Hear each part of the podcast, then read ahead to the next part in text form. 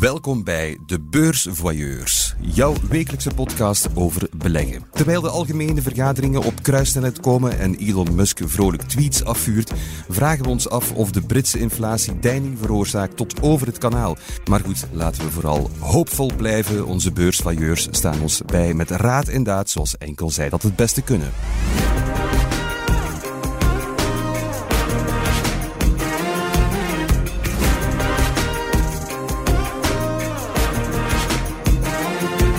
Elke week krijg ik het gezelschap van een bekende belegger en van twee beursvoyeurs. En dat zijn deze week Serge Mampai, journalist bij De Tijd, en Geert Smet, redacteur bij De Belegger. Heren, hartelijk welkom. Serge, ik ga, ik ga met jou beginnen. Alles goed? Alles perfect, Thomas. Uitstekend. Hoe is de sfeer aan de redactietafel al iets minder bedrukt dan vorige week? Wel, ik zou niet zeggen dat de sfeer vorige week bedrukt was. De Ah. beurzen waren wel fors aan het dalen. Maar dat trekken jullie maar niets van aan. Nee, nee, nee, de beurzen stijgen en dalen. Dat is nu eenmaal een deel van het spel. We maken ons daar niet zo druk over. Ja. Maar het is natuurlijk heel plezant om te doen. Hè. Als eh, de markten fors bewegen, ja, dan stroomt de adrenaline in ons lijf. En ja, dan zijn we toch wat meer... eh, Ja, ik zie de meer- sprankeling in jouw ogen bij al die ellende. Ja, dat is absoluut. prachtig om te zien. En blijft alles een beetje recht evenredig met de prijs van taco's eh, in Florida, waar je het eh, in de weekendkrant nog over had? Ja, ja, de prijs van ta- taco's in Florida, in een van de beste taco-restaurants eh, van de staat, eh, die is verdubbeld in 15 maanden. Dat is nog, nog veel hoger dan de inflatie, eh, die in Amerika net hetzelfde als bij ons is, namelijk 8,3 procent. Dus ja, het wordt wel een probleem voor veel mensen, zeker als je niet zoveel verdient, om nog gewoon je voeding te blijven betalen. Ja, dat is wel. En zeker als je in Amerika aan- de taco's komt, dan is de revolutie meestal al heel dichtbij. We hebben het er uitgebreid nog verder over en over tal van andere onderwerpen ook, mag ik hopen. Dag Geert, alles goed met jou? Jazeker, eh, Thomas. Al veel honing kunnen verpatsen aan je collega's? Toch al enkele potjes, ja. En, dat is, ehm, en het, eh, het gaat goed. Het weer blijft eh, uitstekend. Dus eh, mijn honingzolders zitten opnieuw gevuld. Met, Fantastisch. eh, lekker goed. Ik zie net weer een collega huilend van de pret achter de muur staan. Nu hij vernomen heeft aan welke prijs je je honing slijt. Dat is echt zwaar, zwaar onder de markt. Zo ga je nooit rijk worden, Geert. Van honing eh, verkopen word je niet rijk. Maar het is eh, de hobby die, die telt. Oké, dat maakt jou extra sympathiek. Fantastisch, blij dat je er bent ook. Elke week zit er ook een bekende beursvailleur aan tafel.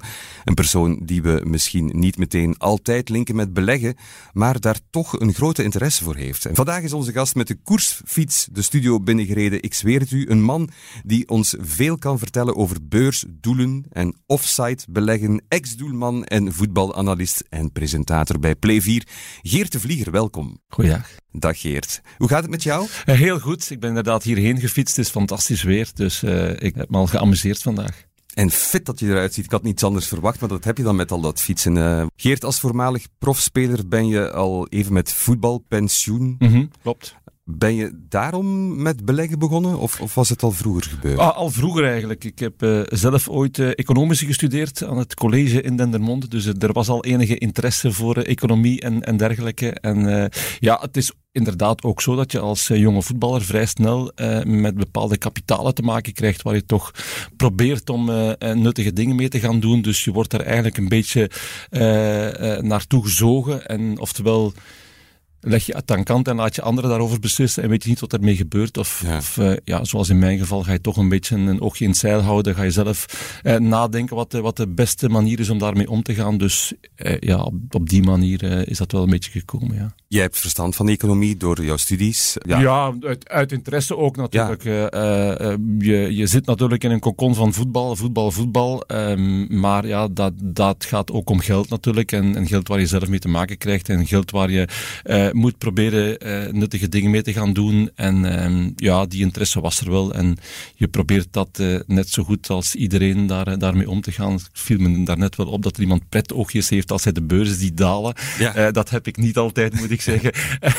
Het hoort bij het spel. Ja, het hoort bij het, bij het spel inderdaad een beetje. Ehm, Maar ik vraag me vooral af, werd er dan wel eens over gebabbeld in de kleedkamer? Eh, Oh ja, heel veel. Er Ja? wordt over niks zoveel gepraat als over geld. eh, en en niet, of niks, over niks zoveel gelogen als over geld natuurlijk. De- wat iemand verdient of eh, de fantastische zaken die iemand gedaan heeft en, en de fantastische belegging die iemand gedaan heeft.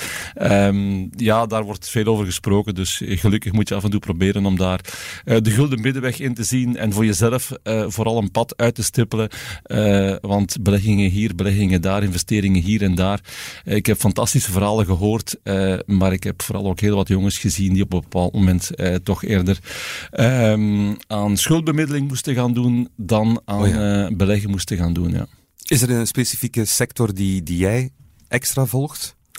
Um, ja, de, de sportsector sowieso wel een beetje, omdat uh, ja, ik ben er dan zelf ook na mijn actieve carrière ingerold in, in uh, zeg maar in tv-landschap en, en de, de sportrechten, uh, de, de televisierechten. Dus ja, dat boeit wel. Je ziet daar ook een evolutie in van het lineaire televisie kijken naar alle Amazons van deze wereld die zich gaan, gaan moeien daarmee. Dus ja, dat is wel boeiend en, en je ziet ook dat dat niet stilstaat. En waar haal jij jouw info? Um, ik heb een broer die private banker is. Ah, dat helpt.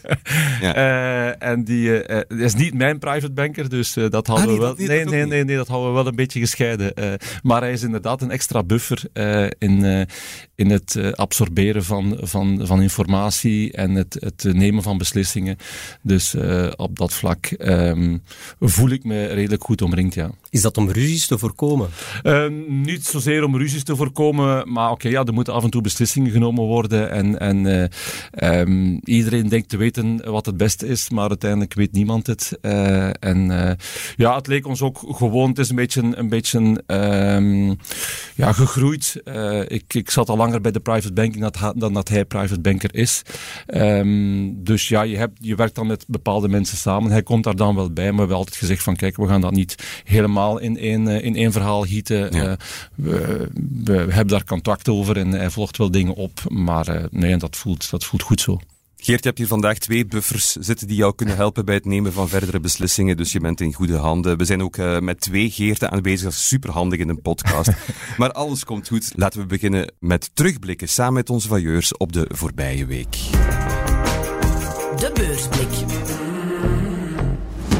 In de beursblik komen we te weten wat onze beursvailleurs graag rond de tafel eens willen bespreken met ons. Wat valt er zoal te eten deze week? Dat hoor ik zeer graag van jullie. Serge, wat nam jij voor ons mee? Wel, mijn topic is economen die elkaar voor de voeten beginnen te lopen met totaal uiteenlopende meningen. Met precies dezelfde economische cijfers komen ze eigenlijk tot totaal andere conclusies uh, en meningen. Nu, ik vind dat niet erg. Economie is geen exacte wetenschap. Ik heb ook op hetzelfde college gezeten dan Kijk Geert uh, in Dendermonde.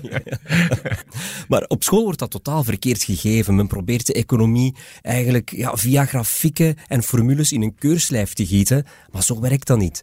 Uh, de psychologie, het sentiment, de onverwachte gebeurtenissen spelen allemaal een rol in de economie en voor de beurzen natuurlijk. Welke stemmen gaan dan zoal op, Serge? Wel, zo is er bijvoorbeeld Deutsche Bank die een recessie in de Verenigde Staten voorspelt. En bij hetzelfde huis, een heel bekende zakenbank, JP Morgan, zegt de Belg Jan Loeys dat we op een recessie afstevenen. En begin deze week zei zijn collega Marco Kolanovic dat net die kans op een recessie heel minim is. Dat de pessimisten overdrijven. De conclusie is eigenlijk, ja, de experten weten het ook zelf niet. Ja, maar dat is geen, dat is geen dat is geen conclusie. Nieuws. Dat is echt, ja, dat is misschien ook geen nieuws. Maar goed, ja, als zij het al niet weten, wat, wat, wat moeten wij dan allemaal doen, Serge? Wel, uh, de kans op een terugval uh, van de economie is natuurlijk fors gestegen. Je kan een euro maar één keer uitgeven. En alles wat je uitgeeft, ja, wat je spendeert aan duurdere voeding, de duurdere energie, dat ga je ergens anders op moeten besparen voor de heel rijken natuurlijk is dat geen probleem, maar voor de, een groot deel van de bevolking, ja, die gaan ergens moeten beknibbelen. Uh, bovendien zakt ook de waarde van het spaargeld door de hoge inflatie. Dus alles wat je gespaard hebt en op een spaarboekje staat of op obliga in obligaties hebt geïnvesteerd, dat zakt in waarde. Dus de spaarders worden armer. Ja. Maar er is ook goed nieuws. De arbeidsmarkt blijft in, op volle toeren draaien, in tegenstelling tot bijvoorbeeld de jaren 80 uh, uh, en de jaren 70. Er is geen hoge werkloosheid. De bedrijven smeken zelfs om goede werkkrachten, die ze niet vinden. Oké, dat is al positief. Maar wat betekent het voor de beurs dan? Wel, de markten zijn eigenlijk al heel pessimistisch. De markten houden rekening met een zeer zware vertraging, zelfs een recessie. En vaak, ja, als het pessimisme hoogtij viert, dan ontstaan er kansen voor de beleggers. Aha. Je hebt al een bepaalde indicatie dat men veel te pessimistisch is, bijvoorbeeld. Hè. Het percentage cash bij de heel grote beleggers, bij de institutionele zoals dat heet, dat staat op een record. Dat is sinds de aanslagen van 9-11, intussen mm geleden van 2001, dat is nooit zo hoog geweest. Dus al die cash staat aan de zijlijn geparkeerd om, als het een beetje beter gaat, om opnieuw te investeren. En dan zijn ook de waarderingen natuurlijk van de aandelen fors teruggevallen. In februari 2021 betaalde je nog 20 keer de winst voor wereldwijde aandelen. Dat is teruggevallen tot amper 14 keer. De aandelen zijn dus een kwart goedkoper geworden. Mhm. Ja, het kan natuurlijk, waarschijnlijk zullen die winstmarges die nu heel hoog zijn, een beetje gaan dalen, maar de markt is nu wel heel pessimistisch. Aandelen zijn veel goedkoper dan een paar jaar geleden en dan moet toch ook op termijn die beurzen kunnen ondersteunen. Ja, heb je ook, het gevoel dat het beursbraderij is op dit moment, Geert? Um, ja, paniek hè, eh, bij bepaalde momenten die, die niet altijd toe te wijzen. Vroeger had je zo, er gebeurde iets uh, en dan wist je van oké, dat gaat allemaal. Maar nu is er slecht nieuws en gaan de beurzen ineens stijgen. En, en het is inderdaad volgens mij op een bepaald moment zo'n beetje een, een, een opbod geworden of, een, of een, een, een, ja, een toevalligheid van, van dingen die samenkomen. Dus ik, ik heb er vaak ook geen zicht op dat je denkt van oké, ik snap uh, dat de experten elkaar ook tegenspreken. Dus wat zou ik dan ergens een richting kunnen, kunnen zien? Ik, ik zie inderdaad dat het sinds uh, zeker start 2022 dat er uh, ferme klappen gegeven zijn. Um, maar er zijn ook opportuniteiten, begrijp ik. Alleen is het dan altijd weer de vraag van, moeten we toeslaan? Ja, dat weet je nooit natuurlijk. Hè. Moest ja. ik dat weten, dan ja, dat uh, zat ik waarschijnlijk op een tropisch eiland. Uh... Ja. nee, je, je, weet dat nooit. Maar wat je wel ziet, is dat vaak het kind met het badwater wordt weggespoeld. Dus de goede bedrijven, die worden eigenlijk meegesleurd in ja, de algemene beursdaling. En dan kan je als belegger toeslaan natuurlijk. Je moet op voorhand je lijstje maken van, ja, dat zijn de kwaliteitsbedrijven die ik echt wil.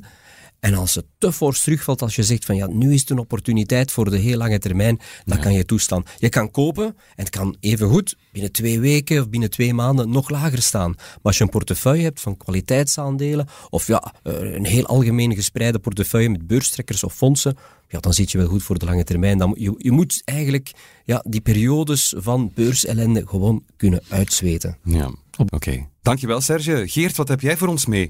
Wel, ik ga het zoeken in de vastgoedsfeer. Dus zoals je weet, elke Belg heeft een uh, baksteen in de maag. Ja. Maar er is heel veel uh, verschillend vastgoed dat je in kan beleggen. Je kan bijvoorbeeld zelf appartement of een, een vakantiewoning gaan kopen, daar heel veel geld in pompen. En eigenlijk met een karig rendement eraf zie je dan dat, dat de rendementen toch niet zo boven een gemiddelde spaarboek liggen. Is dat zo? Waar ligt dat aan?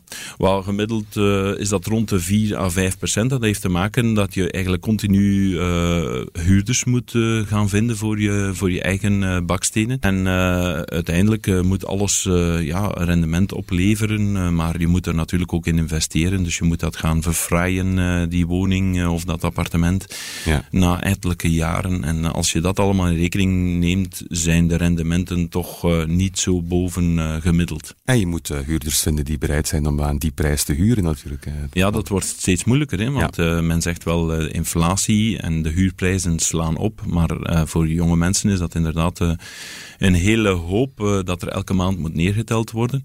Ja, die gaan dan af en toe wel eens zelf op zoek naar een eigen woning. Heb je minder en minder huurmarkt. Laat het vastgoed los dan? Nee, vastgoed kan je op andere manieren gaan, gaan bereiken. Met, met ongeveer op de beurs staan kan je dus in allerlei soorten van vastgoed beleggen. Je kan in zorgvastgoed beleggen. Je kan in, uh, in winkels beleggen, je kan in kantoren beleggen, je kan ook in uh, magazijnen gaan beleggen, of in warenhuizen zelfs. Het staat er allemaal op op uh, de beurs.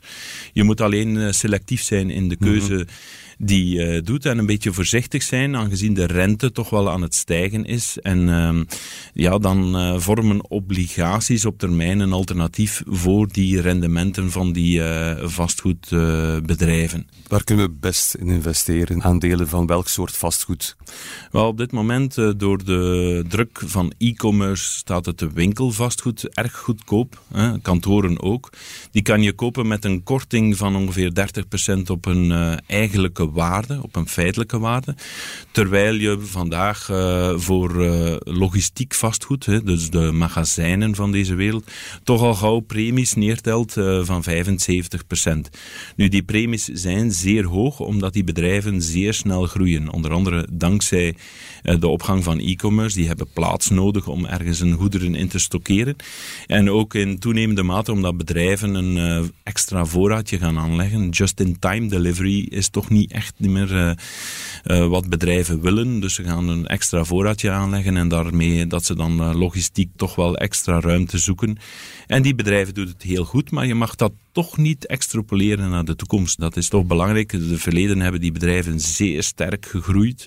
Hebben die een, heel veel aandeelhouderswaarde gecreëerd. Maar of dat, dat in de toekomst hetzelfde, aan hetzelfde tempo zal zijn, dat, is maar de vraag. Dan heb je het hier over, over bedrijven als WDP, VGP, Ehm, die, die deden het ook een beetje minder goed nu net op de beurs. Wel, die hebben het inderdaad de jongste weken uh, moeilijk. En dat heeft uh, te maken met uh, de grote reus in Amerika, Amazon.com. Die heeft gezegd dat ze eigenlijk te veel magazijnen hebben.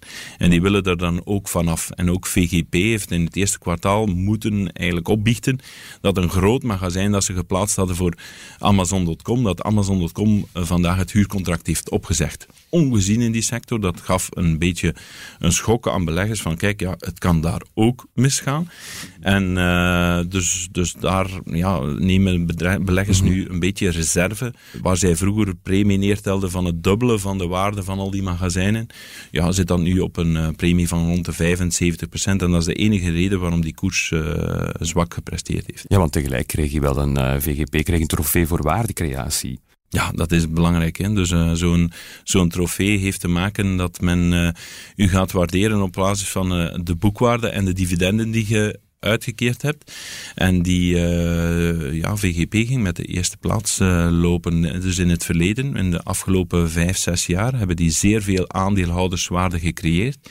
Maar beleggers, ja, die trekken dan nog wel eens door naar de toekomst. Dat is, dat is toch uh, iets waar je zeer voorzichtig moet zijn. Het is net zoals bij de technologiewaarden. Iedereen dacht eind vorig jaar dat ze gingen groeien aan een tempo van 20, 25 procent ieder jaar. En dan komt daar de realisatie van, ja, dat zal niet gebeuren. Dus dan mm. krijg je een uh, correctie in de waardering. En die aandelen al voldoende gezakt, Geert, om terug interessant te zijn? Wel, uh, als je denkt dat een premie van 75% interessant is, ik denk het niet. Hè. Dus, uh, dus uh, zeker als de rente blijft stijgen, dan zou je wel kunnen verwachten dat die aandelen verder onder druk komen te staan. Maar natuurlijk, alles heeft te maken met de dividendgroei en ook de waardegroei die men gaat realiseren tussen dit en de komende vijf jaar. Ik denk niet dat VGP en Montea en WDP slecht bezig zijn, helemaal niet. Maar om het kort samen te vatten, welk soort vastgoed eh, op de beurs kunnen we best aandelen van kopen? Wel van alles een beetje, denk ik. Nee, nee, nee. nee, nee Zolang nee. het kwaliteitsbedrijven zijn. Uh, bijvoorbeeld een alternatief voor uw eigen woning is investeer in duizenden woningen tegelijk via Home Invest Belgium. Vind ik nog altijd een redelijk interessant aandeel, een mooi dividendrendement, zeer gespreid, logistiek vastgoed ja, ik vind dat de koersen zeker van een VGP bijvoorbeeld al voldoende teruggevallen zijn om daar toch ja, een stapje te durven wagen. Uh, ik denk niet, oké, Amazon heeft nu een paar magazijnen te veel, maar uh, binnen enkele jaren, ja, er is te weinig grond beschikbaar. En VGP beschikt over die gronden om nieuwe magazijnen te bouwen. Dus als je kijkt naar de toekomst, naar binnen enkele jaren, denk ik wel dat dat uh, prima kwaliteitsbedrijven zijn waar ik aan deze prijs zelf zou durven instappen. Dat is een heel concrete tip waarvoor veel dank, Serge. Beste Geert, de vlieger dan. Hè. Welk nieuws heb jij voor ons meegebracht? Is uh, de competitiehervorming die weer op tafel ligt, uh, die nog maar eens zou veranderen. U weet, dus, uh, we zijn een paar jaar geleden afgestapt van de normale competitie van 18 profclubs en dan een tweede klasse. We zitten daar ergens tussen nu. En het nieuwe voorstel is om op, op enkele jaren tijd naar ehm, drie competities te gaan van 12 ploegen. Ehm, dat heeft natuurlijk sportieve consequenties, maar ja, de grote achterliggende gedachte van, van heel die uh, dat is natuurlijk, dat zijn centen. Uh, daar gaat het over. De vraag is hoeveel echte profclubs in, in, uh, in België zijn houdbaar. hoeveel clubs moeten dan verdwijnen? Hoeveel clubs gaan verdwijnen omdat ze die televisiegelden niet meer hebben waar ze nu recht op hebben in die hoogste klas waar op dit moment door corona terug 18 ploegen zitten. Ook door propere handen natuurlijk. Um, dus ja, dat is, een, dat is een, een, een, financiële puzzel die moet gelegd worden de komende jaren.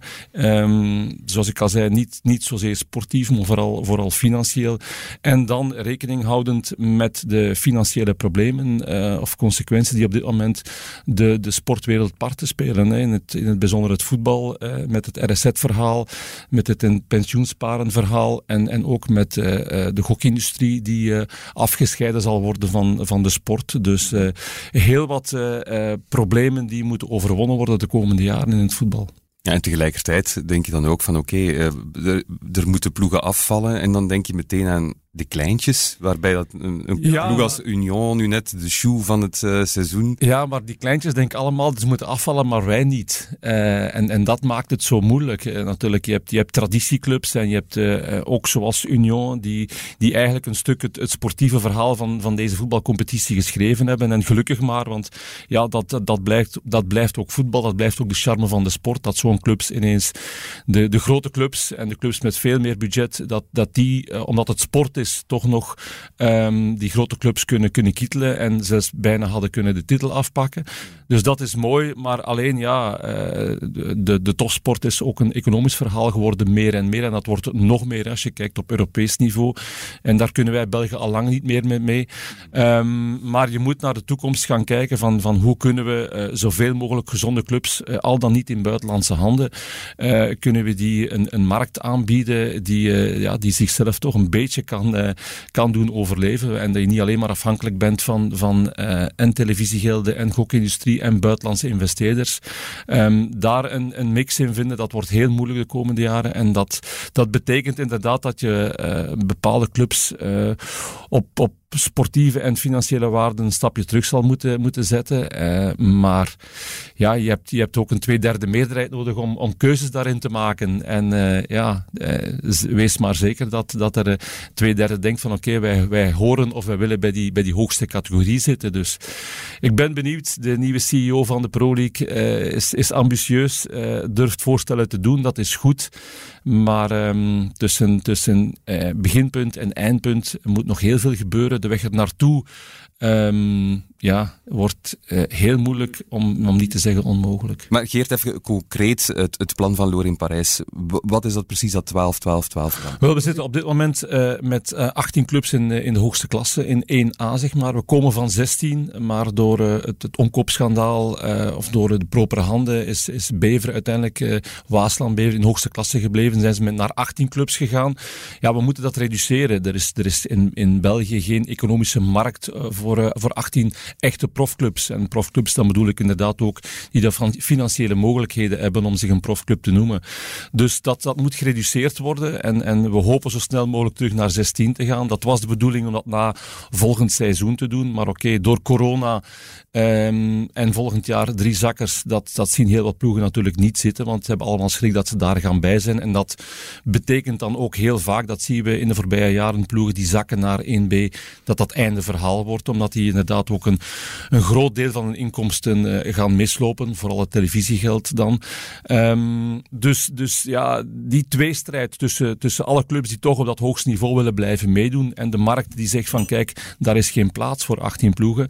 Ja, daar moet een tussenweg gevonden worden. En dan ga je inderdaad in eerste instantie naar 16 clubs proberen te gaan. Om dat op vijf jaar tijd richting 12 clubs te krijgen. En waar je eigenlijk een beetje uh, verbinding gaat krijgen tussen die competities 12, 12, 12 met play-offs, waar ploegen kunnen, kunnen zakken en dalen. Meer mogelijkheden om, om van de ene competitie naar de andere te gaan.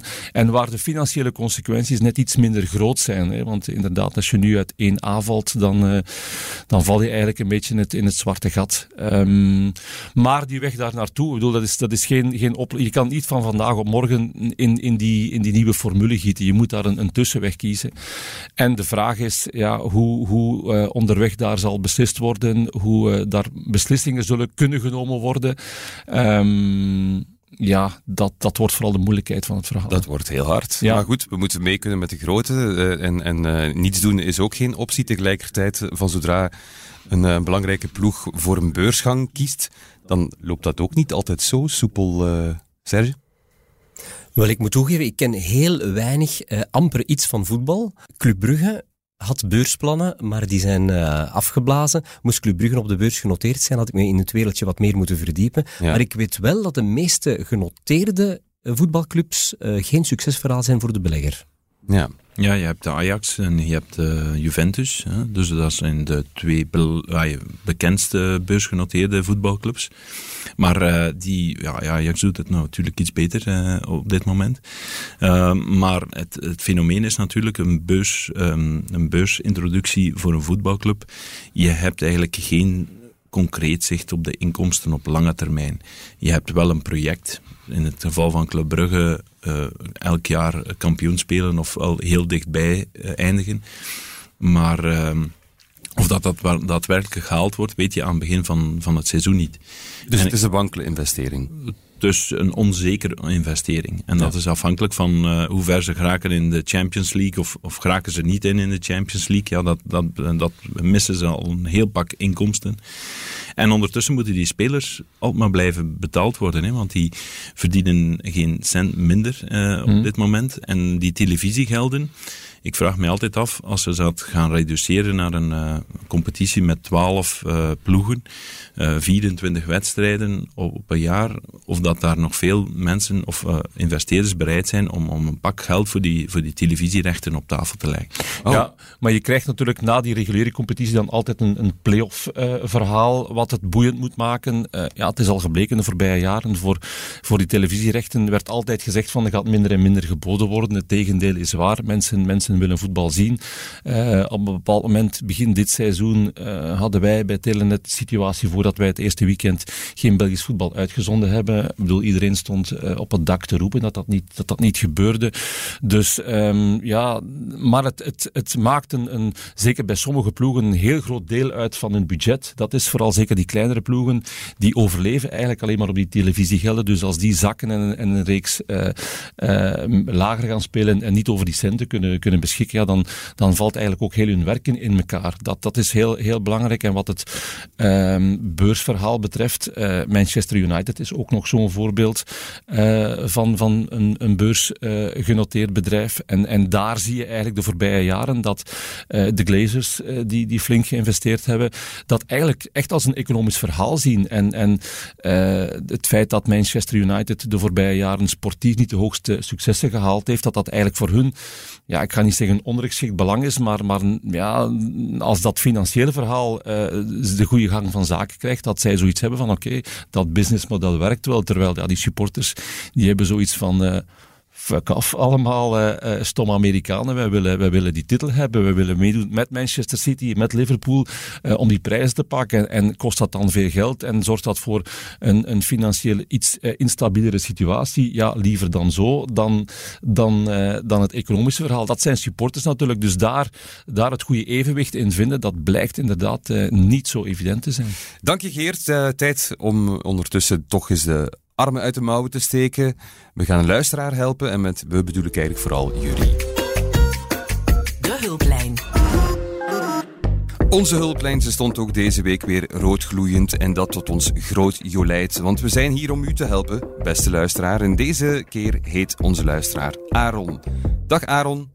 Goeiedag. Aaron, wat is jouw vraag voor onze specialisten hier aan tafel? Ja, afgelopen weekend heb ik net zoals vele anderen genoten van de zon. En in mijn geval was dat met een aantal vrienden. En uiteraard kwam ook daar het huidige beursklimaat ter sprake. De hevige volatiliteit, de dalende koersen. En ondertussen ligt de S&P 500 een, 20% onder de all-time high van december vorig jaar. Ik merk dat dat voor heel wat stress wordt bij mijn vrienden. Voor jonge, jonge investeerders is het de eerste correctie dat wij meemaken. Voor mezelf heb ik ook gewoon een aantal zaken om alles in perspectief te blijven zien. Namelijk, you can't time the market. Er zijn studies die aantonen dat over een tijdspanne van 20 jaar het moment waarop je aankoopt redelijk verwaarloosbaar is. Dus daar is ook gewoon de boodschap naar mijn vrienden toe. Denk op lange termijn. Hoe oud ben je trouwens? 23 jaar. Oké. Ja. Maar ga vooral verder, Aaron. Ja? Het, uh, het, tweede puntje is dan ook gewoon op korte termijn. wordt de markt vooral gedreven door, door emoties, het emotionele. Als we dan opnieuw de lange termijn erbij nemen, dan merken we ook gewoon daarop dat eigenlijk de drijvende kracht van, van de koersen van bedrijven, vooral de bedrijfsresultaten zijn. Dat we ook gewoon daar moeten investeren in een, een goed bedrijf en op korte termijn de emotie laten spreken, maar we wel weten dat op lange termijn het bedrijf nog altijd bepalend is voor de koers. Dus mijn vraag is als volgt. Hoe houden jullie het hoofd koel in het huidige beursklimaat? Amai, dat was een, eh, een heel helder gestructureerde, angstige jonge belegger die we hier horen. Dat was heel goed gedaan en een ontzettend goede vraag natuurlijk. Eh, wie begint er graag? Uh, Serge? Geert? Ja, ik, ik zal beginnen. Je moet natuurlijk op de beurs altijd een beetje stalen zenuwen hebben. Maar we zeggen altijd stalen zenuwen Uh, dat, heb je, uh, dat kweek je eigenlijk doorheen de jaren. Hè. Dus uh, aanvankelijk, ik zal nooit ontkennen dat ik ook wel eens moeilijke periodes ken. Dat ik denk van oei oei oei, de beurskoersen beginnen hier te dalen. En zou ik niet beter een aantal aandelen waar ik een mooie winst op heb gaan verkopen? En dat is zo, maar de belangrijkste strategie moet zijn, als je verkoopt, moet je geleidelijk aanverkopen en niet alles op één moment. Je hebt mensen die zeggen, ja, nu gaat het helemaal de dieperik in, we verkopen alles op één dag. Mm. Dan heb je een hele ruime kastpositie, maar wanneer stap je terug in? Dat is de grote vraag. Stap je terug in wanneer het klimaat al veel verbeterd is, dan kan je eventueel te laat instappen. Ik blijf altijd in de markt aanwezig, uh, maar ik uh, verkoop en ik koop geleidelijk. Dus uh, ik moet niet uh, ontkennen dat ik ook wel eens moeilijke momenten had de voorbije weken dat ik zei van ja, dat aandeel dat is nu al uh, zoveel gezakt en dat, dat ziet er toch niet, die vooruitzichten zijn toch wel minder, minder goed. Ik ga dat verpatsen, maar tegelijkertijd ga ik dat dan investeren of een lagere limiet zetten voor aandelen die dan wel gecorrigeerd zijn, die dan defensiever zijn of, of die, waar ik denk dat die het makkelijker gaan hebben om door dit moeilijke beursklimaat te spartelen. Moet je een beetje klop krijgen om daar beter in te worden, het hoofd koel houden, als er een eh, beurscorrectie zich voordoet? Ik denk dat dat onvermijdelijk is. Hè. Ehm, je moet beseffen dat aandelen niet gewoon kunnen zakken, maar dat ze zullen zakken. dat is een statistisch gegeven. Als je lang in de beurs blijft, decennia, dan komt dat nu eenmaal meerdere keren voor. Toen ik uh, bij de tijd begon, uh, ja, het was, het was net de dotcom-crisis. De Nasdaq Composite Index is toen 78% gezakt. Die 20% van nu, dat is daar absoluut niets tegen. Dus ja, zoals Geer zegt, je moet stalen zenuwen hebben, maar je moet ook beseffen dat aandelen zullen zakken. Als je er niet tegen kunt, dat uh, je portefeuille 10 en misschien 20% of zelfs iets meer naar beneden gaat. Ja, en als je daar wakker van ligt, dan moet je eigenlijk niet in aandelen zitten. Want dat zal ooit gebeuren. Wat je wel kan doen, is je portefeuille een beetje ja, heroriënteren. Bijvoorbeeld bij het begin van de oorlog, wat heb ik gedaan? Ja, toch een beetje meer cash uh, vrijgemaakt, een beetje verkocht.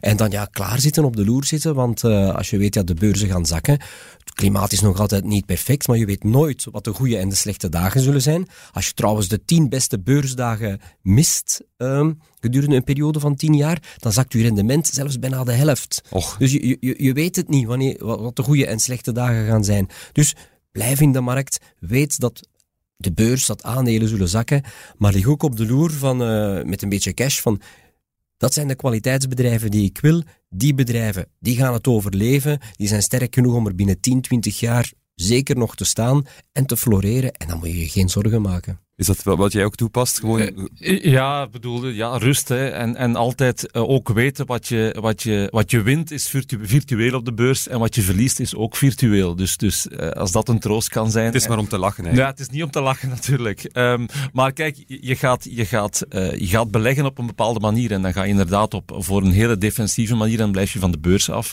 En dan weet je van kijk, van, van nu tot dan ga ik, ga ik dat rendement hebben. Um, als je diezelfde termijn uh, pakt en je gaat uh, beurs beleggen en je gaat dat goed spreiden en je hebt geduld ook, dan weet je altijd dat je op het einde van de rit, dat je daarboven gaat komen. Dat, dat moet eigenlijk het, het, het, uh, het verhaal zijn. En dan wat er op die beurs ondertussen gebeurt, dat, dat, dat heb je toch zelf niet zoveel in de hand. Goed spreiden, tijd nemen en niet alles in één keer verkopen en geen paniek en voldoende fietsen. Is is dat een goed antwoord? Heb je daar iets aan? Ik kan mij daar zeker in, uh, in, vinden. Ja, bedankt voor jouw fijne vraag. Ik denk dat velen ze herkend hebben en uh, we hebben daar een heerlijk antwoord op gekregen van onze beursvailleurs hier aan tafel. Dankjewel Aaron. Tot de volgende keer. Beste Geert, de vlieger dan, voor alle duidelijkheid, want dit is uh, echt wel jouw momentje. We gaan regelrecht in jouw beurs duiken, Geert, dus geen, niet schrikken. Dit is het moment waarop Wanda het van ons overneemt. Dat is de beurscomputer van de tijd. Die is ontzettend, ja, vrijpostig. Daar moet ik wel eerlijk over zijn. Ze mag. Oké. Okay.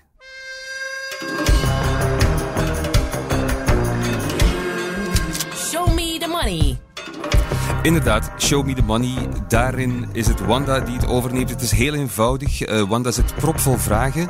Je kan ze oproepen door een cijfer te noemen. Ik voer dat in. Klinkt wat plastisch, maar zo is het. En dan komt er een vraag uit. Zullen we eens proberen? We gaan het proberen. Welke cijfer kies je om te beginnen? Het is cijfer 1, het rugnummer van een doelman. Oh, goede keuze. Wat was je beste belegging? Ja, Wanda, toch geen manieren. Goed. Heel goed, ik ben heel benieuwd. We horen het dadelijk. Na dit. Ex-doelman en sportverslaggever Geert de Vlieger zit bij ons aan tafel vandaag bij de beursvailleurs en hij laat ons meelezen in zijn beleggersverhaal. Wanda had al een vraagje gesteld. Wat was je beste belegging? Een vrij postige meteen, maar wel een interessante. Um, dat was mijn eerste grote investering, denk ik, in een eigen woning. Uh, als, als voetballer heb je vrij snel wel een bepaald budget om je eigen huisvesting te gaan kiezen. En ik heb daar meteen in geïnvesteerd. Uh, ook al hebben wij ondertussen eh, op verschillende plaatsen gewoond. Zijn een beetje rondgetrokken in Europa, van Nederland naar Engeland en, en terug. Um, ja, zeker als je dat in rendement gaat bekijken op dat blijft het beste. Dat, je, bent, je, bent, echt de hele podcast aan het kelderen nu. Hè? Je zegt van, je moet gewoon een huis kopen. nee, maar het, het, blijft niet bij een huis natuurlijk, hè, want er zijn, er zijn nog wel centen over. Maar als eerste lijkt, lijkt me dat wel het, het, het meest interessante. Zoals ik al gezegd heb daarnet ook, uh, mijn dochter is nu ook aan het kijken van wat ga ik met centen doen ja, in een eigen woning. Als je daar al in investeert en daarin belegt en, en wat er dan nog komt, dan heb je toch die zekerheid alvast uh, in eigen handen. Oké, okay, nee, pas, Wanda stelt uh, vrijpostige vragen en jij mag, mag gewoon vrijpostig antwoorden. Geert, geen enkel probleem. Kies je nog een cijfertje? Een cijfer 7. Wie is jouw grote beleggersvoorbeeld?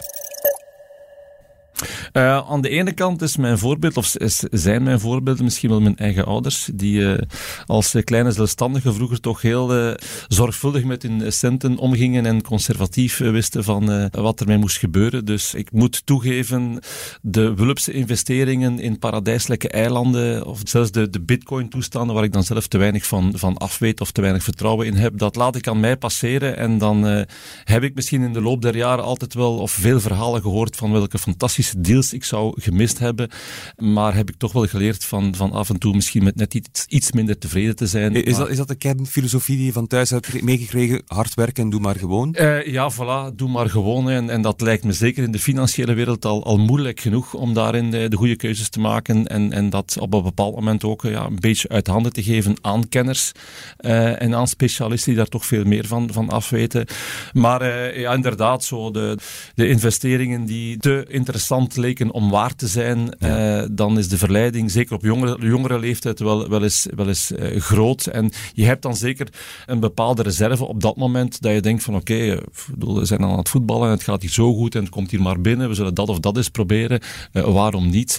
Maar ja, nee, je ziet wel wat, wat dingen mislopen en er zijn, er zijn grote voorbeelden, de Johan Cruijff van, van deze wereld bijvoorbeeld, maar ook andere grote voetballers die, die wel eens gezien hebben dat het, het grote risico niet altijd het risico waard is. Voetjes op de grond. Dat hielp niet altijd als doelman, letterlijk dan, maar uh, op de, in de financiële wereld zeker, ja. Puur uit interesse, wat deden jouw ouders? Kledingzaak. Ah, ja, Ons moeder had een, uh, een detailzaak uh, kleding, uh, grote maten. maar oké, okay, dat, dat is niet meer van deze tijd, met de confectie van, van deze, deze tijd. Dan, maar het was nog zo'n een zaak waar, waar heel specifiek publiek voor was en ja. waar, waar mensen echt naartoe kwamen om, om met de service en met de kwaliteit die geleverd werd. Maar ja, dat is nostalgie eigenlijk. Schoon. Goed, nog een cijfertje. 13. Hoeveel tijd besteed je aan beleggen? Ja, niet zoveel. Ik bedoel, op een bepaald moment, uh, als je dan, dan, dan stopt met voetballen, dan moet je inderdaad ook vaststellen van, dan heb je het grootste kapitaal verzameld en dan uh, ga je toch inderdaad op bepaalde mensen afstappen, in mijn geval, uh, richting private banking. En dan ga je zeggen welk verhaal je zelf voor ogen ziet voor de komende jaren. en dan is dat toch wel op lange termijn. Ik ben gestopt op mijn veertigste en dan, dan ga je toch wel dat op hele lange termijn allemaal plannen en en dan uh, weet men uh, wat, ik, uh, wat ik wil. En dan uh, heb ik, zoals ik gezegd heb, met mijn eigen broer een, een extra buffer als ja. private banker om dat mee in de gaten te houden. Dus uh, uh, nee, het is, het is leuk als het allemaal goed gaat en om te zien hoe bepaalde percentages nog groener worden. Um, en, en zoals nu, ja, dan, dan weet je wel in welke richting je zit en dan ga je eens kijken hoe groot de schade is. Maar ja, ik ben gelukkig nu al zo ver dat ik... Dat ik niet te veel tijd erin moet steken. nee, niet te veel tijd in moet steken en dat ik daar redelijk rustig naar kan kijken en kan denken van oké, okay, het is niet het moment om, om daar uh, uh, ons nu veel zorgen in te maken. Geert is nog niet gedaan. Je mag uh, nog een cijfertje kiezen omdat je goed bezig bent. Dan gaan we aan 18 beginnen. Cijfertje 18. 18. Oké. Okay. 18. Heb je ooit al ruzie gehad met jouw partner over beleggen? Goh, Die wand dat toch, hè? Waar Ehm, blijft ze ze halen? Nee, nee. eh, het, het, is, het is een beetje eh, mijn, mijn domein, zeg maar. Eh, Ah, je hebt dat meteen afgebakend waar- alsof het jouw doel is. Die afgebakend, Ja. nee. Maar nee, ja, in een huishouden heeft iedereen zijn taken. En naast het gras afrijden en de vuilbakken buiten zetten en die dingen, zijn de, is de financiële kant ook mijn zaak. Dus ik, ik zorg dat alles van rekeningen betalen tot, tot investeringen doen, tot, tot ja, zorg ik dat dat ook zeker in orde is. Ja. En probeer je dat ook door te geven aan je dochter? Of? Eh, eh, aan mijn dochter een beetje. ehm, eh, aan mijn zoon vooral. Die heeft blijkbaar de microben te pakken. Want die is nu in zijn, zijn master bezig TEW. En die heeft volgend jaar als master na master gekozen voor Bank and Finance. Voilà. Dus die, die, ja, die zie ik nu dingen doen dat ik denk van... Die is helemaal de, de, de, de richting van zijn, van zijn onkel dan uitgegaan. Je gaat goed omringd zijn denk ik, de komende jaren. eh, ja, en dat was overlaatst was hij jouw bezig. broer, jouw zoon. Overlaatst was hij bezig met zijn eerste eigen beleggingen te doen. Maar ja, oké, het was niet de periode natuurlijk. Dus eh, de eerste 1500 euro die hij geïnvesteerd had in, in bepaalde beleggingen, die eh, is als eh, sneeuw. voor de zon aan het smelten. Dat is een beetje leergeld dat je en betaalt. voilà, voilà, dat heb ik hem ook gezegd. En eh, hij had het nogthans allemaal heel goed bekeken. En, en, want de, ja, het, is, het, is, het is de zoon van zijn vader, dus hij weet ook wel dat hij niet zot veel risico moet pakken. Maar zo zie je maar dat ook hij eh, op dit moment eh, ontdekt wat, eh, wat de beurs inhoudt. Eh, Vroeg begonnen, dat, Ja, is, dat ja, ja. komt allemaal goed. Oké, nog eentje om het af te leren, Geert. Eh, nummer 20 dan, hè. Nummer 20. Wat is jouw einddoel? Mijn einddoel op financieel vlak bedoel je dan waarschijnlijk? Ja, dat wordt wel, ja. Ja, dat, dat is toch ehm, eh, zorgen dat, dat, eh, dat je zelf eh, op een vrij rustige manier kan, kan verder leven. Ik bedoel, eh, wij zitten in een apart verhaal, hè, topsporters. Hè. Je, je, gaat, je gaat volop voor die carrière tot je 35ste, in mijn geval je 40ste. Je gaat daar ook je kapitaal verzamelen. En vanaf dan is het, oké, ik doe nog wel dingen nu en er, er komen nog wel centen binnen. Maar je gaat toch kijken hoe je dat, dat, dat grote kapitaal dat je op dat moment ja, eh, eh, eh, verdiend hebt. En dan zeg ik vaak, want er zijn heel veel, veel voetballers die veel verdienen, maar wat ze overhouden op hun 35, 40ste, dat is het belangrijkste wat je dan hebt. Ja, dan ga je kijken hoe je dat zo goed mogelijk kan beheren in de, in de jaren die komen. En ja, vooral ook, denk ik, met de huidige situatie en, en als je kinderen hebt, hoe ga je hen een stuk op weg helpen? Hè? Want Ja. als, ik, als ik dat zie, hoe ik zelf, oké, uit een bevoorrechte positie met de, de, de wereld waar ik in zat, mijn leven opgebouwd heb, financieel dan, en ook naar vastgoed toe. Ja, voor, voor de jongeren van vandaag is dat niet zo evident. Dus eh, ik, heb, ik heb nu door dat ik gelukkig hen daar op een bepaalde manier wel kan helpen, eh, dat ze toch die, eh, die bepaalde voorsprong die ze hebben, dat ze die kunnen behouden. Ehm, dus ja, je hebt, je hebt kinderen en dan weet je dat je op een bepaald moment eh, zelf zoveel mogelijk moet blijven genieten van alles en dat je moet eh, kijken dat je op termijn eh, en hen zo goed mogelijk kan begeleiden en, en kan verder helpen in hun keuzes. Dus je hebt er niet uitgegeven aan Ferraris. Eh, nee, nee, nee. Ik heb, eh, ik heb mijn eerste auto pas gekocht toen ik... ja, toen ik een jaar of 33 was, denk ik. Omdat wij, ja, wij kregen altijd auto's van de club, hè, leasingwagens. Dus dus ja, dat zijn zo van die, van, die, van die keuzes die je maakt. Van ga je met je eerste ja, miljoen, zeiden wij vroeger in Belgisch frank. Als ik, ik was dan nog jong natuurlijk. Hè. Maar ga je met dat eerste miljoen, ga je daarmee een Porsche kopen? Of ga je wachten tot je, je centen eh, genoeg opgebracht hebben om daarmee een Porsche te kopen. Dus dat zijn zo van die, van die keuzes die... die En wat heb jij gekocht als eerste wagen? Het was een Mercedes. Ah ja, Dus het was nog... heel eh, bescheiden. het was nog, eh, ja.